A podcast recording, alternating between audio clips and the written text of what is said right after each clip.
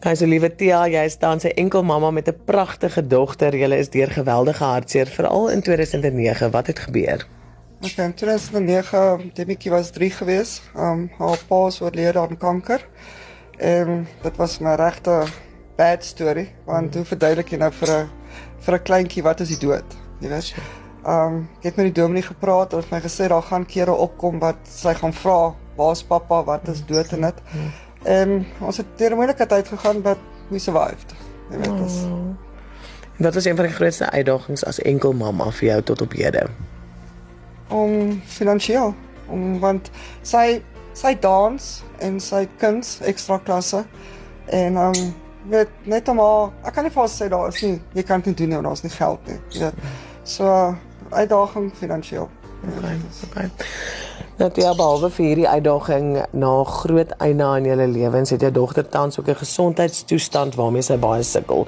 En as 'n tiener kan dit veral nie maklik wees nie. Vertel ons hiervan. Okay, dit met op um ouderdom van 10 het sy begin met blaasprobleme. Sy het heeltyd gelek, urine gelek. Ons het al die meds op die mark probeer. Dit het baie keer gehelp, so maand en dan begin dit net weer. Toe Januarie, 11de Januarie hierdie jaar, toe sê die dokter al wat ons nou kan doen is soos 'n pacemaker. Wat hulle noem dit um overactive bladder want die senuwee sê nie vir die blaas wanneer om te knyp of wanneer om te release nie. So dis kom sy heeltyd lek. En um, ons het die pacemaker laat insit twee fases. Eerste fase vir trial vir 2 weke. Dit het sy die 29ste Januarie laat insit.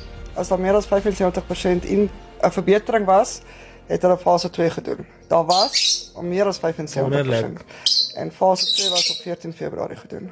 Wat 'n permanente unit onder haar vel ingeplant is. Maar my medies betaal net vir die tweede fase, nee, want hulle sê die neurological gedeelte op my medies is opgebruik.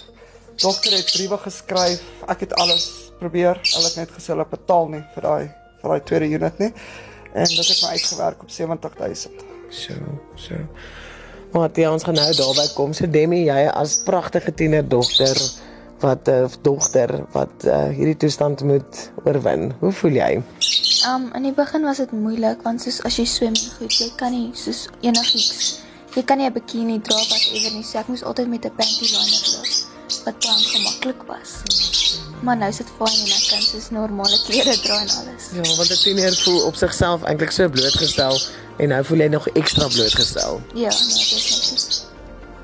So Tia en Demi na die diagnose is daar toe nou uiteindelik 'n oplossing gevind vir haar uitdaging en Tia jy het dit genoem omdat die medikasie nie gehelp het nie en dit was toe nou um, op grond van die uroloog wat voorgestel het julle doen twee fases operasies. Nou wat behels hierdie fases? Wat wat plant hulle in? Wat hoe herstel hulle die uitdaging? Okay, dit is hulle noem dit 'n pacemaker, soos vir jou hart, maar hierdie is net vir jou blaas. Uh fase 1 bestaan uit um die unit is buite haar lyf hulle kan sien of daar dit werk en alles. Um dis 'n 2 weke trial gewoonlik. Nou as al 75% verbetering is dan hmm. dan doen hulle fase 2. Hare was meer as 75% verbetering. Hulle het fase 2 waar die unit dan permanent in jou liggaam ingeplant word onder haar vel. Het hulle op 14 Februarie gedoen en um sy lek glad nie meer nie. Sy So Dis fantasties. So eintlik waar jy nou met opgewonde raak, is daar nog die bekommernis van die mediese koste. Ja, definitief want my medies wil nie betaal vir die tweede unit nie. Okay. En ehm um, alhoewel ons doktersbriewe gehad het, ons het alles gehad, hulle het net gesê nee. Okay, so liewe Tia en Demi, julle hulpkreet was namens toe nou jou dogter, um, wat van die ouderdom van 10 jaar sukkel met 'n blaasprobleem. Julle het 'n oplossing gevind met die hulp van 'n uroloog en daar was toe nou twee fase proses. Wat is julle uitdaging nou?